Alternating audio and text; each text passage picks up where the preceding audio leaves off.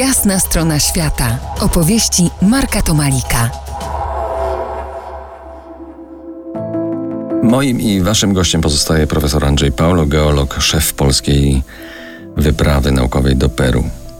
Rozmawiamy o idei tworzenia obszaru chroniącego kanion rzeki Kolka i sąsiadującej doliny wulkanów.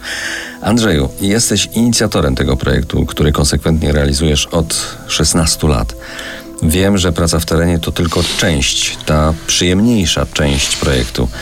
Trzeba jeszcze rozmawiać z władzami, naukowcami tam właśnie w Peru. Jak od lat idą te rozmowy? Jaki jest poziom świadomości w temacie ochrony przyrody w Peru? Jak rozmawiamy o sprawach ogólnych, to oni popierają oczywiście, e, to gładko wtedy idzie rozmowa, ale do, jak dotyczą konkretnego obszaru, który ma być przeznaczony pod ochronę, a no to wtedy się zaczynają schody, bo trzeba by tam ograniczyć inwestycje. A w tej pięknej części Andów jest wprawdzie zbyt wysoko i stromo, żeby ziemię uprawiać, ale można tam złoto znaleźć i, i, jest znajdowane. I są kopalnie złota? Są, oczywiście, są kopalnie złota. Kiedyś były tam kopalnie srebra. To kiedyś był obszar po Cerro Rico de Potosí w Boliwii. To był drugi najbardziej srebronośny obszar w Ameryce Południowej. No w każdym razie jest to bogactwo, które można wykryć, a niektórzy myślą o tym, że tam są rekordowe spadki strumieni, no i chcą budować hydroelektrownię.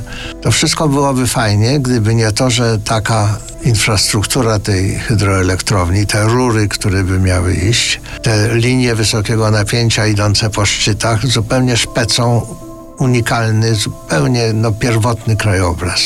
A powiedz, jak wasz projekt wpisuje się w modny, popularny od lat temat geologii środowiskowej? Jak najbardziej się wpisujemy. Powinniśmy w tym obszarze rozpoznać, jakie elementy wymagają bezwzględnej ochrony i tam utworzyć stanowiska dokumentacyjne, gdzie i przyszli naukowcy, i ludzie, którzy się chcą szkolić, i dzieci szkolne, i turyści będą mogli czerpać wiedzę. To jest taka książka zapisana skałami, które trzeba umieć przeczytać.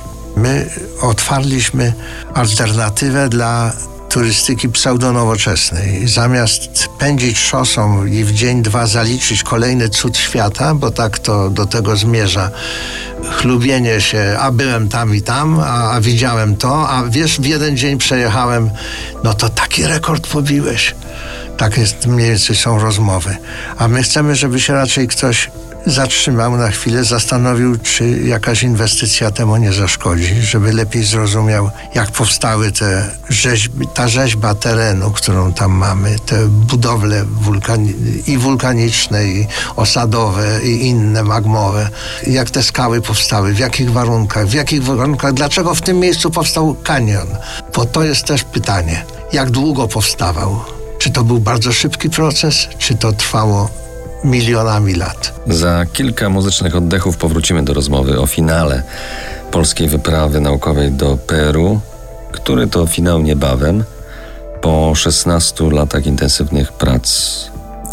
Zostańcie z nami po jasnej stronie świata. To jest jasna strona świata w RMS Classic.